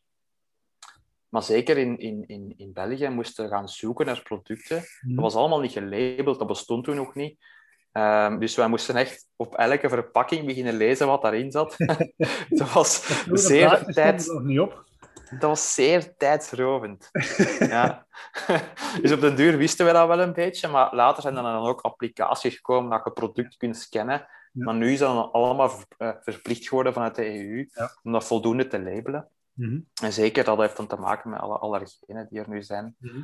En ehm, ja, dus, dus ik denk voldoende informatie inwinnen, dat heel belangrijk is. En goh, ik ben daar eigenlijk van de ene op de andere dag mee begonnen. Ja. Ik ben wel eerst vegetarisch geworden een jaar. En na een jaar vegetarisch overgestapt naar veganistisch. Mhm. En dat was voor mij de juiste stap. Ja. Ehm, maar is dat voor iemand anders de juiste stap? Dat weet ik niet. Mhm. Dan moet je zo wat zelf aanvoelen. Mhm. Het is ook een beetje, ja, wat is uw drijfveer om dat te doen? Wat, wat is... Allee, sommigen doen het uitsluitend voor hun eigen gezondheid. Ja. Dat is nooit mijn drijfveer geweest. Mhm. Mijn motivatie was, al, was eigenlijk van in het begin voor het klimaat. Mhm. Eh, ja, omdat eh, koeien nu eenmaal he- heel veel methaan uitstoten. En er zijn zodanig veel koeien op de wereld, ehm, een paar miljard, dat die Dat zoveel methaan staat er niet produceren. stil, maar dat is belachelijk hoeveel koeien dat er zijn. Hè? Ja, dat is echt ongelooflijk. Ja, er zijn meer koeien als mensen. Ja, Dus ja, dat is echt ongelooflijk. En dan, dan heb je het nog niet over de varkens en over de kippen en over en wat, allee, al wat er eigenlijk eh, bij komt kijken. Mhm. Ehm, dus ja, dat was mijn eh, eigenlijk grootste bekommernis. En pas veel later ben ik ook beginnen beseffen hoe hard dieren moeten afzien voor ons. Dus ja, een dier houden in uw tuin is lang niet hetzelfde als dat dieren momenteel in massa worden geproduceerd op grote...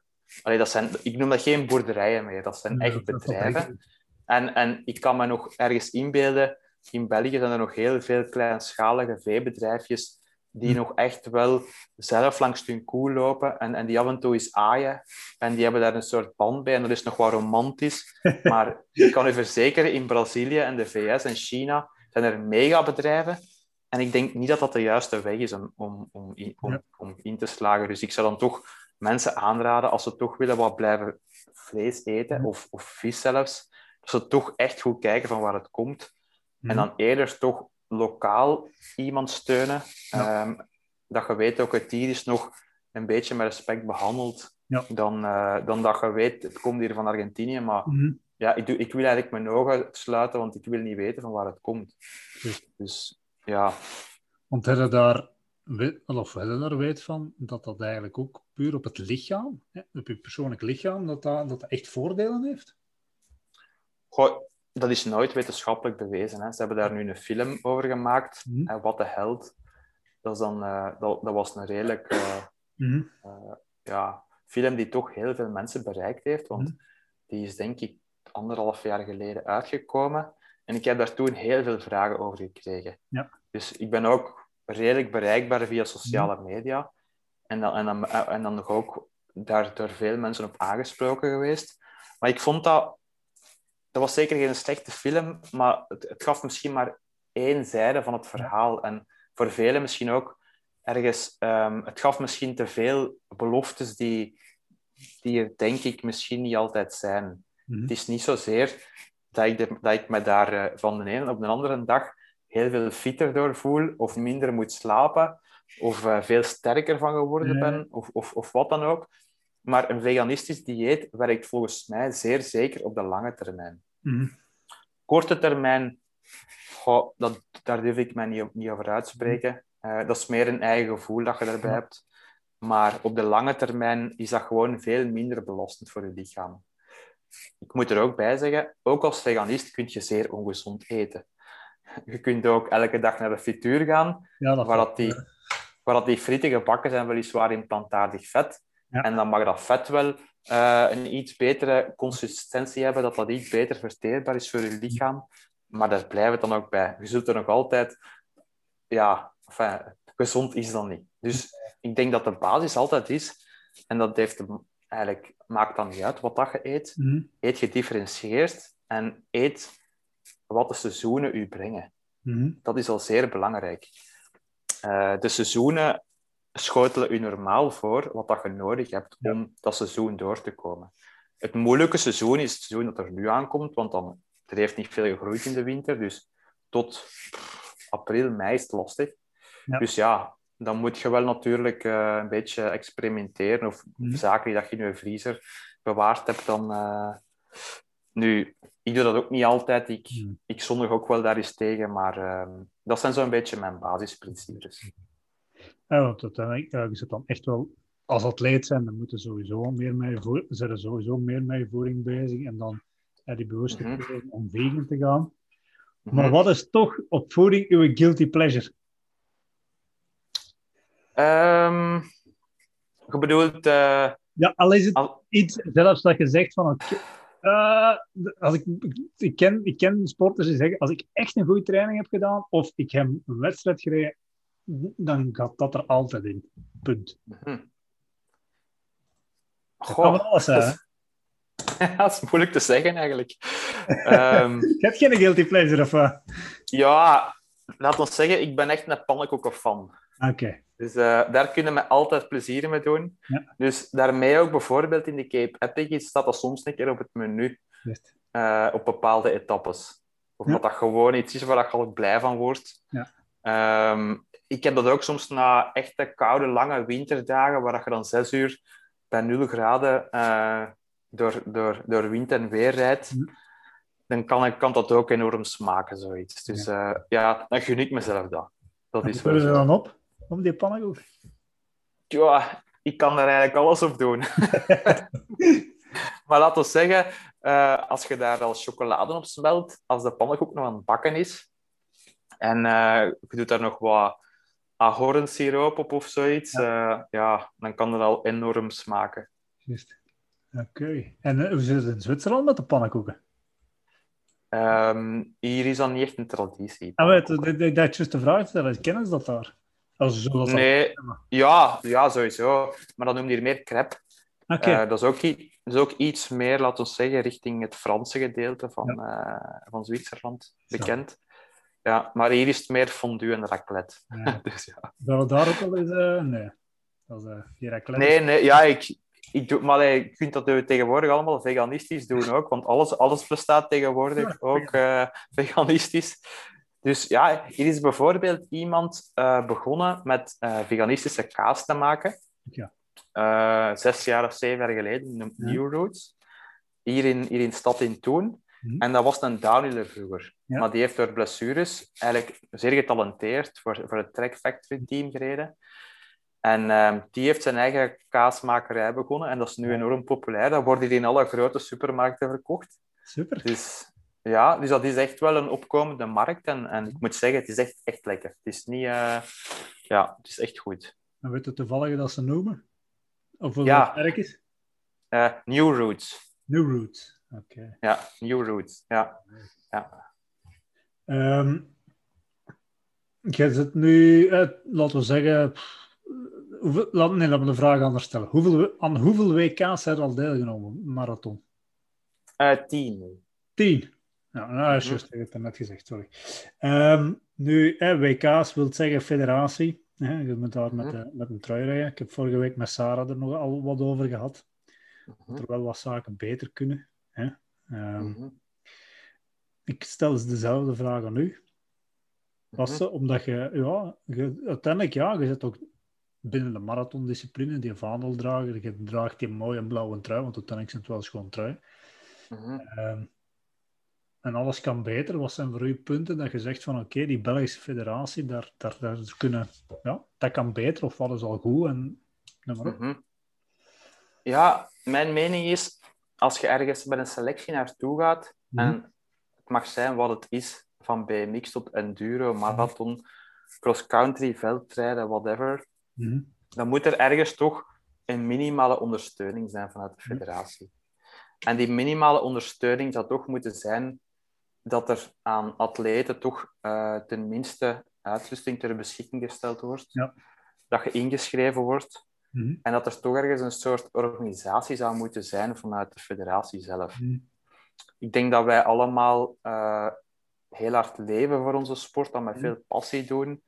Dat wij ook heel graag ons land vertegenwoordigen. Dat, wij, dat wij trots zijn om Belg te zijn. En uh, wij betalen toch ook wel ja, onze vergunning elk jaar. En, en allee, wij dragen bij aan de sport. Ja, ja, en, er zijn, en er zijn ook heel veel marathonrijders die een vergunning hebben. Mm-hmm. Dus ja, ik vind het, het marktaandeel van de marathonrijders is toch zodanig groot mm-hmm. dat die steun uh, zeker te verantwoorden is. Ja, nee, nee, zeker. Nu, ik, ik vind dat dat uh, zo moet zijn voor alle disciplines. Mm. En ik begrijp ook wel dat er in het veldrijden, wegwielrennen of in het Olympische mountainbiken, mm. dat, daar, dat, dat daar een ander uh, niveau van steun is. Mm. Daar heb ik ook geen enkel probleem mee. Maar ik moet wel zeggen dat de afgelopen jaren, um, goh ja, laten we zeggen, de vorige twee jaar was het misschien al terug iets beter. Mm. Maar er toch een hele periode geweest is dat wij ons, ja, wij voelden ons niet meer echt deel van de federatie. Ja. Omdat er echt geen, er was, er was geen klankwoord, er was geen ja. communicatie. En, en er komt nu wel stilaan terug verandering in. En dat is, dat is zeer, zeer, zeer En wat is dan het verschil tussen de jaar ervoor en de afgelopen twee jaar?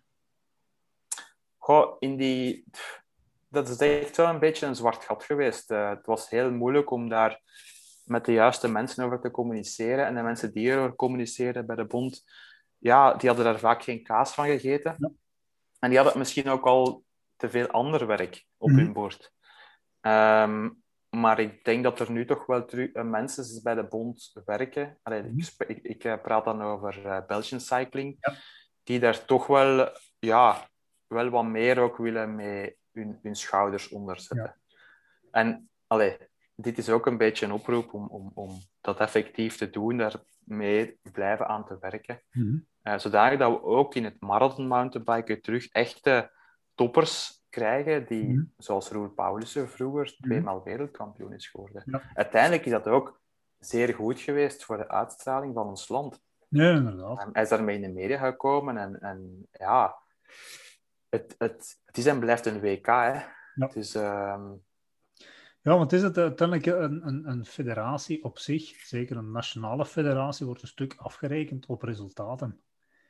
Um, en dan, ik vind dat ook grijpt elke kans aan als je weet van oké, okay, we maken hier kans op resultaten. Je grijpt die, doet er iets mee. Ik bedoel, mm -hmm. Ja, ja allee, ik denk um, uiteraard als er een potentieel is, mm. dan moet dat aangegrepen worden. Maar um, op, op dit moment moet er nog een potentieel gecreëerd worden. Ja, maar, ja, maar het is um, natuurlijk. Ja. En ik denk, en ik denk dat, dat er een zekere investering nodig is in de marathonsport om terug die toppers, uh, of potentiële toppers te krijgen, zoals Roer er echt wel een was. Ja. Dat was de absolute wereldtop. Mm -hmm. um, maar ik denk dat we een beetje moeten kijken naar het voorbeeld van een land als Italië. Mm -hmm. Die hebben echt een nationale marathonploeg. Ja. Die gaan met hun ploeg naar het EK, naar het WK. Die gaan die parcoursen allemaal verkennen. Ja. Die gaan op stage samen. En dat creëert een teamgeest en met die teamgeest komen ze zo dan niet verder. Dat heeft de Wolfpack uh, van de Koning Quickstep bewijzen nog elk jaar. Ja. Ve ve vele teams kopiëren dat nu. En ik denk, als we ja, willen meestrijden voor die medailles, of we daar een realistische kans op maken, dat we ergens toch in diezelfde richting moeten gaan. En mm. oké, okay, in het begin gaan we nog geen team hebben van, van acht renners, maar laten we starten met een paar renners en laat dat groeien. En er zijn zoveel mensen die hun schouders daaronder willen zetten, dat is gratis. Ik denk dat Roel bijvoorbeeld daar, die zou, die kan niet zelfs zeggen van, um, kom hier bij mij in Antels komen logeren met de nationale ploeg en mm. we gaan dit en dat doen. Uh, allee, ik praat nu een beetje in zijn naam, maar er zijn ja. zeker zo'n zo'n mensen te vinden dat daar, dat, daar, dat daar veel meer voor willen doen. Maar ja, dat moet ergens ook een beetje vanuit uh, Belgian Cycling komen. Ja. En ja, um, Allee, ik weet ook soms niet goed, uh, ja, aan wat liet het nu om dan nog in die richting te pushen. Mm. Um, ergens besef ik ook wel, de marathonsport heeft nog niet dezelfde uitstraling op tv en zo verder. Ja, maar, je, merkt wel, je merkt wel dat dat komt. In Turkije was er al een filmploeg, dat was de mm. eerste keer. Ja, uh, ja in, in Italië, Aronzo di Cadore was het ook al. Mm. In Zwitserland dan ook, maar stilaan komt dat op gang. En dan komen we dan ook tot die World Series Marathon, mm. die men nu um, helemaal hervormd heeft. Mm. Ja, als daar een heel mediaplan achter steekt, mm. allee, wat ik hoop, en dat kan groeien, dan gaat dat heel populair worden, marathonsport. Um, je merkt dan nu ook al in wat mensen aan het doen zijn. Mm. Het gaat meestal over extreme uitdagingen. En zoiets dat past daar heel goed in. Ja, het voordeel van marathon is, voor een, als, je het, als je het dan even bekijkt vanuit het standpunt van een organisator, um, je kunt dat makkelijk organiseren, waarbij dat je de combinatie maakt, wat dat heel veel evenementen hebben als een Cape Epic, om maar iets te zeggen, maar andere evenementen ook, dat die wereldtoppers vooraan starten, maar dat je daar een heel horde aan recreatieve, competitieve, noem ik het dan, achter kunt zetten, waardoor dat een, een verdienmodel is dat, dat interessant is. De WK is, is, misschien een ander verhaal, maar al de rest wat dat daar rondhangt. En, en van daaruit dat mensen kunnen gaan daarmee kennis maken. Mm -hmm. um, dat speelt mee. Ja, ik denk enerzijds de amateurs. Dat is zeker een, een verdienmodel dat, dan, nu ook al gedaan wordt. Mm. Anderzijds is er nog veel meer te halen uit de parcoursen. Mm. En ten derde kan er veel meer gedaan worden met de media. Ja. Um, ik heb vorig jaar met Arjan aan het nadenken geweest, zouden we niet zelf een wereldbeker marathon beginnen organiseren. Want dat is iets wat dat er niet was. Allee, ik had de World Series marathon, maar er waren 30, 40 wedstrijden op een jaar. Dat was zo wat een kwalificatie voor naar het WK te mogen gaan. Maar eigenlijk, ja, er stonden wel toppers aan de start, maar niet altijd alle beste samen. En dat is iets wat dan momenteel nog miste. En, en Mhm. daar heeft de UCI heel rap, Mhm. eh, heeft dat heel rap ingezien. En dat is er nu met die hervorming, dat we nu gegaan zijn naar acht wedstrijden. Ehm, ik hoop ook dat ze, dat ze daar echt wel een, een heel mediaplan achter steken, want Ja. de media kan heel veel sponsoring met zich meebrengen. Ja. En ehm, ja, dat is zeker iets wat dat, als je het parcours interessanter maakt en de media er, erin brengt en ergens spanning kunt opbouwen, zoals op de weg, met heel veel, heel veel tijdsverschillen mee te geven. Mhm. En dat, laten we zeggen, op een professionele manier in beeld te brengen. Ja. In Turkije vorig jaar was het niet altijd even professioneel. Het was al, het was al wel te volgen. Ja. Maar eh, enerzijds de commentaar en anderzijds het manier van filmen was nog niet op het niveau dat je kunt zeggen, we gaan dat hier nu voor een keer verkopen als sponsors. Het is Maar- Rob Warner die erachter zat. Ja, maar, maar allee, da- daar is zeker iets mee te doen. Als je al kijkt naar hoeveel mensen er eh, de filmpjes van de BMC bekijken, van, van uh, Koenraad, dat zijn er toch al wel een paar duizend. Ja, nee. En, dat is, en dat is omdat daar Mathieu van der Spoel een keer een helling hard oprijdt. Mhm. Ehm, dat, dat heeft te maken met de bekendheid van Mathieu, maar zelfs bij andere wedstrijden eh, kijken mensen gewoon heel graag naar oh, wat zijn ze nu aan het doen en waar gaat dat parcours naartoe. En als je dat kunt combineren met de spanning op te bouwen, door tijdsverschillen mee te geven, eh, dan, dan zijn die marathonwedstrijden zeer zeker spannend Mhm. en interessant om te volgen. Hoe, hoe kunnen dat parcours, omdat je zegt van ja, het parcours moet eventueel aanpassen, op welke manier dan? Ja, je moet het vooral interessant maken, enerzijds technisch gezien, Ja. dat, het, dat, dat er ook een paar moeilijke passages in zitten die, die ook heel goed in beeld te brengen zijn. Mhm. En anderzijds dat het makkelijk te filmen is. Dus ik zou dan eerder gaan naar een veel compacter parcours. Mhm. Het is dan minder marathonachtig voor de rijder zelf. Mhm. Ehm, maar het is wel veel beter in beeld te brengen. Ja. Veel beter eh, met tijdverschillen allemaal te meten. Mhm. En, en het, het, gaat, eh, ja, het gaat gewoon veel boeiender zijn om het te volgen. Daarnaast kun je nog veel helikoptershots tonen van de mooie Zwitserse Alpen, bij wijze van Mhm. spreken, waar ook veel mensen naar kijken in de Tour de France. Naar dat soort zaken. Maar ehm, ja, die combinatie van die twee, die spanning moet er toch echt wel zijn. Om, om dat, en, en daarvoor heb je hele camera's nodig. Hè.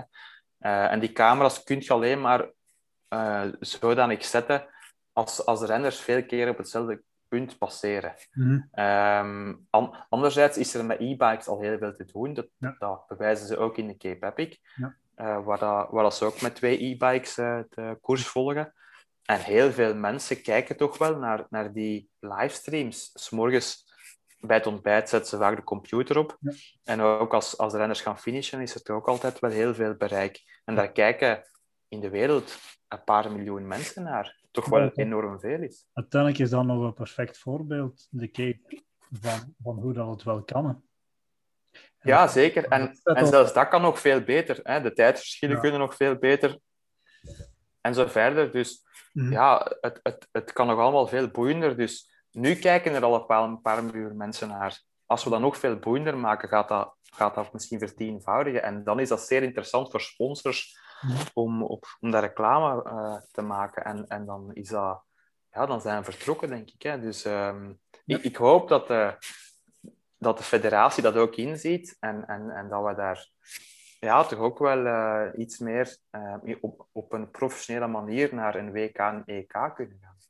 Want die discussie heb ik in de afgelopen jaren ook al wel dikwijls gehad van, ja, maar het is de kippen voor tij. Ja, als je langs de ene kant niet investeert, kun je niet ver... Allee, wordt het moeilijk om dan toppers te krijgen die dan resultaten rijden, die dan anderen aan, aan moet zeggen, inspireren om dat ook gaan te doen. Want als een topper, dan is, zo werkt dat nu eenmaal. Als je een topper hebt in een discipline en jonge, jongeren kijken daarnaar en zeggen, ik wil dat ook gaan doen, ja, dan komt daar misschien weer een talent uit. Maar als je die, al, die eerste pioniers niet gaat ondersteunen, ja, dan, dan, komt die, dan is die volgende generatie ook niet daar. Mhm. Dus- dus is- Ja, en, en dan een bijkomend probleem is, ehm, en ik denk dat je dat ook wel in de cross-country ziet, er is ergens een gat ontstaan ehm, na de juniors tot en met ehm, de eerste paar jaar van de elites. Ja. Dan zou er ergens toch een zekere ondersteuning moeten zijn vanuit de federatie die, Ja, die, die er... teams uit de koer waar dat er, waar dat er Ja. vorming wordt gegeven. Hè. Eh, en, Mhm, ook, maar dat heeft natuurlijk te maken met dat er niet voldoende geld in de sport is momenteel in Mhm. eh, Vlaanderen ja, of, of in België. Ehm, en, en dat er heel veel renners kiezen, ja, ik kan dan beter op de weg gaan rijden of beter Mhm. veldrijder worden, want daar is de kans veel groter dat ze, dat ze het wel gaan maken in die sport. Ja, en ook gewoon, wat ik uit eigen ervaring wel weet, is zorg dat je een organisatie creëert waar dat je die renners ondersteunt. Want ik heb al gemerkt, eh, ik heb het nu niet over federatie, ik heb het echt puur over teams. Waar dat je, ik heb al wel gemerkt, waarom gaan sommigen echt naar een veldritteam of naar een wegteam? Omdat ze daar een ondersteuning krijgen. Ik laat in het midden dat het altijd even goed is, maar er is daar een ondersteuning en een, en een manier waarop dat ze het gevoel hebben van, ik leer hierbij. Mhm. En dat, is, dat, is, dat moet er ook gewoon meer komen. Dan, eh, ik weet, bij Cycling Vlaanderen is die ondersteuning er wel. Belgian Cycling moet daar nog meer... Want de discussie is gaande, om het zo maar te Mhm. zeggen. Dus Mhm. ja, en op die, op die nagel blijven kloppen. Hè. Jij ook, hè. uiteindelijk, als, Mhm. als je blijven kloppen, zal dat ooit wel, wel, wel veranderen. En, en, en dus stilletjes Ja, dat- ik, ja, ik probeer een zo goede ambassadeur mogelijk te zijn voor de sport. En ehm, ja, ik merk wel dat er heel veel mensen eh, aan marathon mountainbiken doen, dat dat Mhm. leeft. En eh, niet iedereen is daarin competitief of zo, maar dat is ook het mooie aan onze sport. Het is ergens eh, verbondenheid tussen eh, ja, de, de, de amateurs en, en, en, de, Mhm. en de meer profrenners. Mhm. En eh, dat is wel een, een heel mooie synergie, denk ik, tussen die, Ja. tussen die twee. Dat is ergens, ja, dat zou hetzelfde zijn als dat amateurs kunnen starten in de Ronde van Vlaanderen samen, samen met eh, ja, Mathieu en Wout daar ergens, eh alleen dan weliswaar een, een paar uur achterop, maar als ze dezelfde koers rijden. Hè. Mhm. Dat kan bij ons allemaal en dat is het mooie van onze sport. Dat is inderdaad het hele, hele mooie aan de sport. En dan moet dan net misschien een bedrijfsleider tussen zitten die zegt, ik wil een D-sponsor. Ja, nu, het is altijd, eh, de vraag moet ook altijd komen van de renner zelf. Ja, natuurlijk, maar... Ik, heb, ik heb nog geen bedrijfsleiders geweten die zeggen van, ja, Ah ja, wil jij niet gesponsord worden? Dan niet. En dat heeft natuurlijk te maken van, als, als je die passie niet hebt, dan, eh, dan komt die vraag misschien niet. Zij, zij moeten dat voelen van, oké, is die passie, is die een dromer? Ja. Wat wil die renner? Heeft die, heeft die dezelfde, inderdaad, zoals je in het begin zei van de podcast, eh, dezelfde waarden als mij? Hm. En kan hem die waarden vertegenwoordigen voor mijn bedrijf? Zodat ik daar zeker al, allee, dat dat ten goede Ja. komt aan het bedrijf en geen imago-schade geeft. Want dat is natuurlijk niet vast. En, dat, en dan gaan we stilletjes afronden. Eh, dat is iets wat je heel goed zegt. Je moet als renner zijnde of als, wel zelf met de vraag komen. Mhm. En dan, wordt dat, dan is je kans een pak groter op slagen. Je moet niet wachten. Ja, ja. Het gebeurt zelden of nooit. Ja. Zeg, maar we gaan stilletjes afronden. Het is ondertussen kwart voor tien. We zijn al Mhm. eh, dik, bijna twee uur bezig.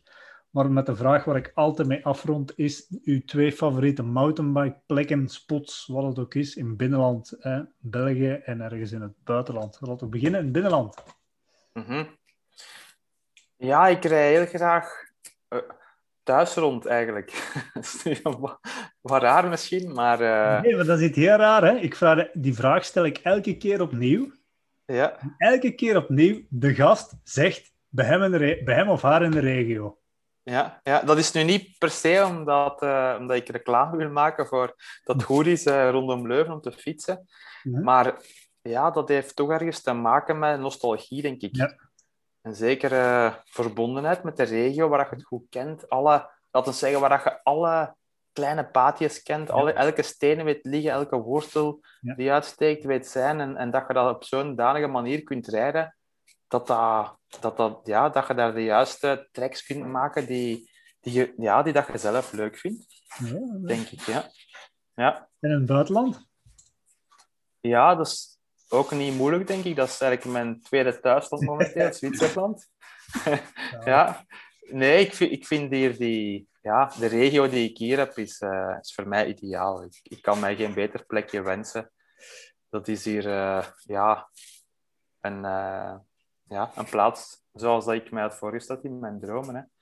En ja, als je ergens van droomt, dan komt dat soms uit, zeker. En als je ergens, er, ergens iets wilt en je werkt er hard voor en, en ja, je, je beeldt het je veel in, dan, uh, dan komt dat, denk ik. En soms is dat onderbewust. Ja. Dat je ergens naartoe wilt in je leven, zonder dat je dat zelf beseft. Ja, nee. uh, en, en ja, ja ik, ik, zou zeggen aan iedereen die is graag uh, in de Zwitserse bergen wilt komen fietsen, kom alle hierheen. Laat het mij maar allemaal weten. Ik vind het allemaal niet erg om, om een keer met wat Vlamingen of Belgen rond te fietsen hier. Als ik tijd heb, doe ik dat graag. Zalig. Um, eh, gaan voor je dromen, dat is hetgeen wat ik vooral onthoud van deze podcast. En dat je daar stilletjes begint te slagen, dat is redelijk duidelijk.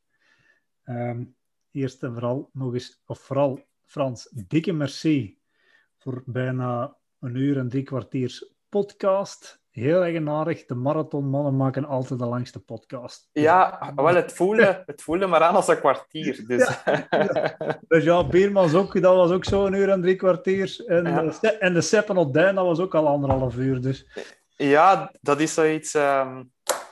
Ik denk dat wij zoveel verhalen hebben. En er zijn er dus, als mensen een keer met mij willen komen fietsen, ik heb nog veel andere verhalen gewoon van tijdens Die mannen fietsen gewoon zo lang omdat die veel hebben te vertellen. Dat is de reden. Dat is het, denk ik. Ja, dat is het. En omdat we dat super graag doen. En dat is iets, ja, je kunt... Uh, ja, er is zo'n verbondenheid dan tussen ja. fiets en mens. En dan ook met elkaar. Mm. Dat, ja, dat is iets onbeschrijfelijk. Hè. Dat, is, ja, dat is eigenlijk een, dat is de verslaving, denk ik, ja. uh, ten duur. Dat is een, mooie, een mooie en gezonde verslaving. Voilà. Frans, dikke merci. Luisteraars, gedaan. ondertussen waar we dat kunnen vinden, laat jullie comments achter. Geef Frans nog een duimpje op zijn Instagram en op zijn uh, Facebook. En zit er nog ergens anders op? Nee, dat is voldoende. Ja, Twitter, maar daar uh, kijk ik nog een website op. eigenlijk? Een website, ja. www.frans-klaas.be Doe Frans derde keer dikke merci. Luisteraars, tot volgende week. En bye bye.